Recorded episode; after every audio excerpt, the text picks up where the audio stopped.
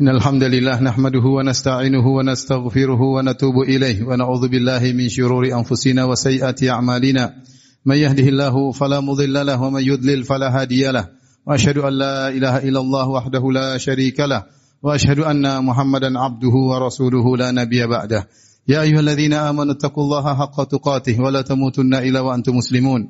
فإن أصدق الحديث كتاب الله وخير الهدى. هدى محمد صلى الله عليه وسلم. وشر الأمور محدثاتها وكل محدثة بدعة وكل بدعة ضلالة وكل ضلالة في النار معاشر المسلمين أوصيكم ونفسي بتقوى الله فقد فاز المتقون Sungguhnya di antara kesempurnaan agama Islam adalah mengajarkan adab-adab Islami yang adab-adab tersebut mendatangkan kemaslahatan bagi umat Islam. Allah Subhanahu wa taala telah mengatakan al-yauma akmaltu lakum dinakum. Sungguhnya pada hari ini telah aku sempurnakan bagi kalian agama kalian. Yang adab-adab ini tidak akan kita dapatkan pada ajaran-ajaran agama-agama yang lain. Adab dalam segala hal di antaranya adab dalam bermajelis. Kebutuhan kita untuk mengetahui adab-adab majelis sangat penting karena kehidupan kita dipenuhi dengan majelis-majelis. Terkadang majelis-majelis yang islami, terkadang majelis-majelis yang diharamkan oleh Allah Subhanahu wa taala. Maka seorang muslim hendaknya di atas ilmu agar bisa menghadiri majelis-majelis tersebut dengan mendapatkan pahala dan keberkahan dari Allah Subhanahu wa taala. Di antara adab-adab majelis yang diajarkan oleh Rasulullah sallallahu alaihi wasallam yaitu seorang jika datang ke suatu majelis hendaknya dia mengucapkan salam. Idza antaha ahadukum ila majlisin falyusallim jika salah seorang kalian tiba di suatu majelis, maka hendaknya dia mengucapkan salam kepada orang-orang yang sedang duduk di majelis tersebut. Wa idza arada an yaqum falyusallim. Jika dia hendak pergi meninggalkan majelis tersebut, maka hendaknya dia juga mengucapkan salam. Kemudian jika dia datang di suatu majelis, maka hendaknya dia duduk di tempat kosong terakhir yang dia dapati tempat tersebut. Jangan dia menerobos masuk di tengah-tengah, meninggalkan tata kerama dan kesopanan. Jabir bin Abdullah radhiyallahu taala anhu mengatakan, "Kunna ala ahdi Nabi sallallahu alaihi wasallam idza ataina an-nabi sallallahu alaihi wasallam jalasa ahaduna min haitsu yantahil majlis atau kama qala." Kami dahulu di zaman Nabi sallallahu alaihi wasallam kalau kami mendatangi Nabi sallallahu alaihi wasallam maka salah seorang dari kami duduk di mana dia terakhir dapat tempat yang yang kosong. Dan tidak boleh seorang menyuruh orang lain yang sudah duduk terlebih dahulu untuk berdiri kemudian dia menggantikan tempat duduknya. Kata Nabi SAW, La yuqimanna ahadukum rajulan min majlisihi, min majlisi summa yajlisu fihi. Janganlah sekali-sekali salah seorang dari kalian memberdirikan seseorang, kemudian dia duduk di tempat orang tersebut. Ini dilarang. Walakin tafassahu wa tawassa'u akan tapi lapangkan dan lapangkanlah. Adapun orang-orang yang lebih dahulu datang di majelis, maka hendaknya mereka memberikan kelapangan bagi orang-orang yang terlambat datang. Allah Subhanahu wa taala berfirman, "Ya ayyuhalladzina amanu idza qila lakum idza qila lakum tafassahu fil majalisi fafsahu yafsahillahu lakum wa idza qila lakum unshuju fanshuju yarfa'illahu alladhina amanu minkum walladzina utul ilma darajat." Wahai orang yang beriman, jika dikatakan kepada kalian tafassahu fil majalis, berlapang-lapanglah berilah kelonggaran bagi orang yang terlambat datang. Maka lapangkanlah, yaitu beri kelonggaran. Kata Allah Subhanahu wa taala, "Yafsahillahu lakum," maka Allah akan berikan kelonggaran bagi kalian. Subhanallah, amal yang sederhana, kata Allah beri kelapangan bagi orang yang terlambat datang agar bisa duduk bersama kalian, niscaya Allah akan berikan kelapangan bagi kalian. Sebagian ahli tafsir mengatakan, Allah Subhanahu wa taala tidak menyebutkan maf'ul bih objek dalam ayat ini. Apa yang Allah lapangkan umum. Allah akan lapangkan kehidupan kalian. Allah akan lapangkan dada kalian. Allah akan lapangkan kuburan kalian. Allah akan lapangkan surga kalian dengan sedikit amalan memberi kelapangan bagi orang yang terlambat datang. Jika kita sholat, sholat hendak sholat Jumat, lantas ada orang datang terlambat, beri kalau ada tempat berikan tempat untuknya.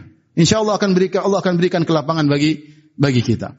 Kemudian di antara adab bermajelis, yaitu janganlah jika di majelis tersebut hanya tiga orang, kemudian dua orang berbicara dengan berbisik-bisik, tidak mengajak orang yang ketiga. Kata Nabi sallallahu alaihi wasallam, "Idza kuntum salatha, fala yatanaja al-itsnan duna thalith, fa inna dzalika yuhzinuhu." Jika kalian hanya tiga orang, maka janganlah dua orang berbisik-bisik dan tidak mengajak orang ketiga berbicara dengan mereka karena hal itu akan menyedihkannya. Kita tidak ingin ada seorang kaum muslimin yang sedih gara-gara kita. Allah mengajarkan atau Nabi SAW mengajarkan agar kita tidak berbisik-bisik sehingga kita menyedihkan orang yang ketiga.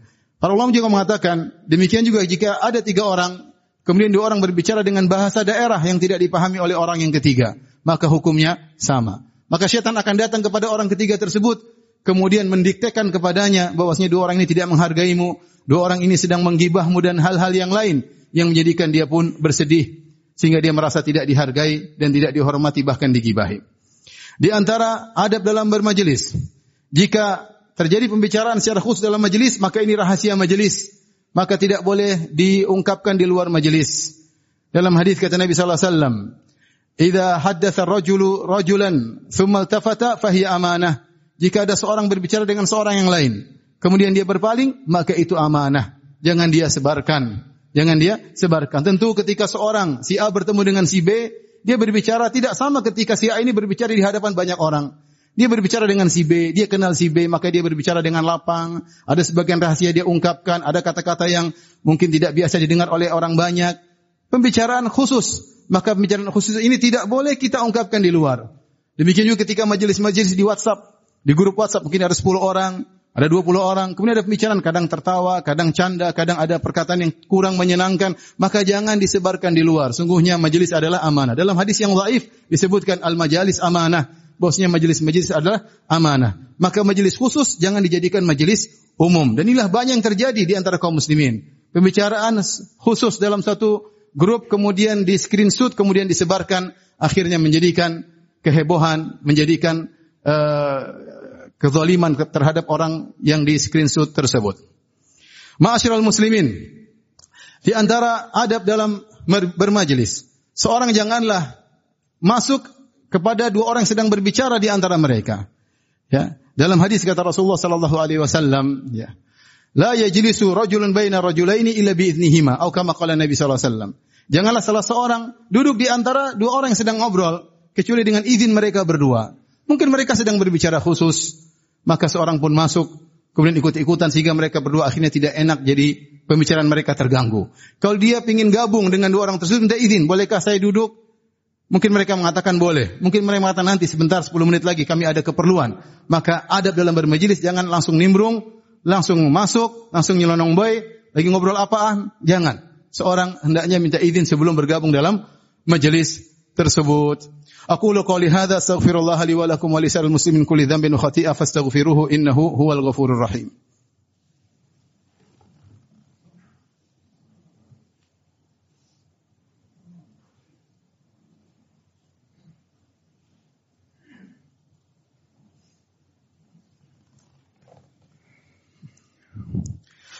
Alhamdulillahi ala ihsani wa syukru lahu wa amtinani. Asyhadu an la ilaha illallah wahdahu la syarika lahu li sya'ni.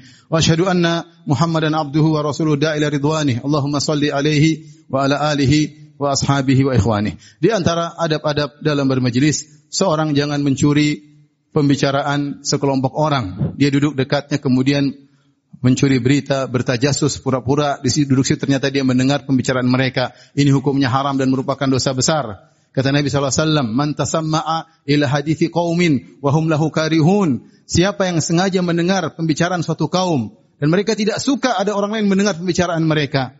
Mereka tidak suka. Subba fi udhunaihi al-anuk yaumal qiyamah. Maka pada hari kiamat kelak kedua telinganya akan dituangkan uh, perak yang dipanaskan, melebur, dipanaskan kemudian dituangkan ke kedua telinganya sebagai hukuman karena dia mendengar-mendengar mencuri-curi berita pembicaraan yang sedang diomongkan oleh sekelompok orang. Maka ini hukumnya adalah haram hendaknya dijauhi. Kemudian hendaknya majelis dipenuhi atau ada zikir kepada Allah dan salawat kepada Nabi sallallahu alaihi wasallam. Rasulullah SAW menyebutkan bahwasanya tidaklah suatu majelis yang kosong dari berzikir kepada Allah dan bersalawat kepada Nabi sallallahu alaihi wasallam kecuali ada tirah yaitu ada naqs, ada kekurangan. Maka seorang berusaha mencari keberkahan dalam majelis apa pun. Dia duduk bersama keluarganya, duduk sama teman-temannya. Hendaknya dalam majelis tersebut ada sekali-sekali dia berkata sallallahu alaihi wasallam. Allahumma salli ala Muhammad wa ala ali Muhammad dan seterusnya.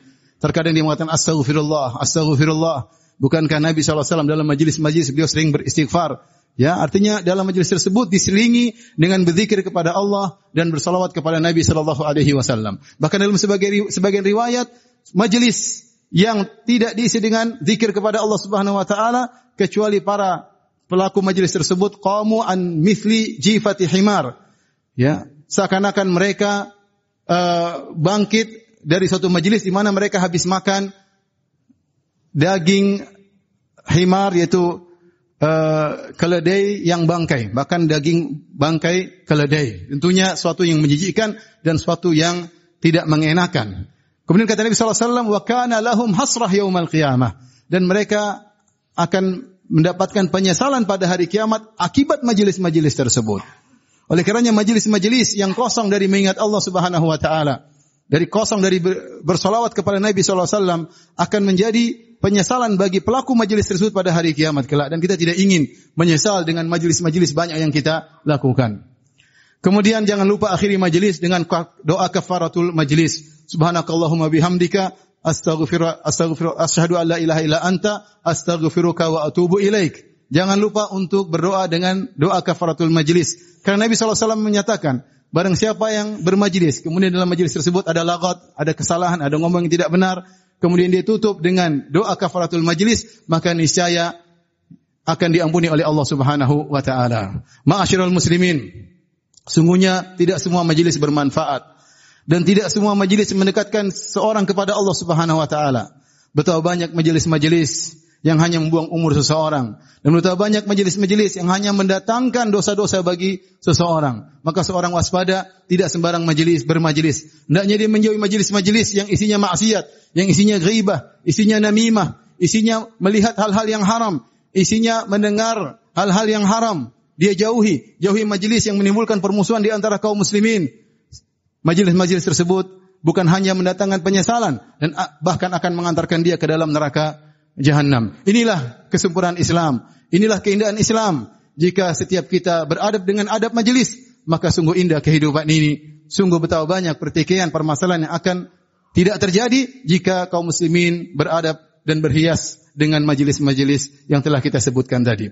Inna Allah malaikatahu yusalluna ala nabi. Ya ayuhalladzina amanu sallu alaihi wa sallimu taslima. Allahumma salli ala Muhammad wa ala ali Muhammad kama sallaita ala Ibrahim wa ala ali Ibrahim innaka Hamidum Majid. Wa barik ala Muhammad wa ala ali Muhammad kama barakta ala Ibrahim wa ala ali Ibrahim innaka Hamidum Majid. Allahumma ighfir lil muslimina wal muslimat wal mu'minina wal mu'minat al ahya'i minhum wal amwat innaka samii'un qaribun mujibu da'wat wa ya al hajat. Allahumma اللهم آت نفوسنا تقواها وزكها أنت خير من زكاها أنت وليها مولاها اللهم أصلح لنا ديننا الذي هو عصمة أمرنا وأصلح لنا دنيانا التي فيها معاشنا وأصلح لنا آخرتنا التي إليها معدنا واجعل الحياة زيادة لنا في كل خير واجعل الموت راحة لنا من كل شر.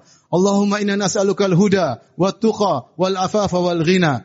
ربنا ظلمنا أنفسنا وإن لم تغفر لنا وترحمنا لنكونن من الخاسرين. ربنا هب لنا من أزواجنا وذرياتنا قرة أعين واجعل المتقين إماما. ربنا آتنا في الدنيا حسنة وفي الآخرة حسنة وقنا عذاب النار وأقيموا الصلاة.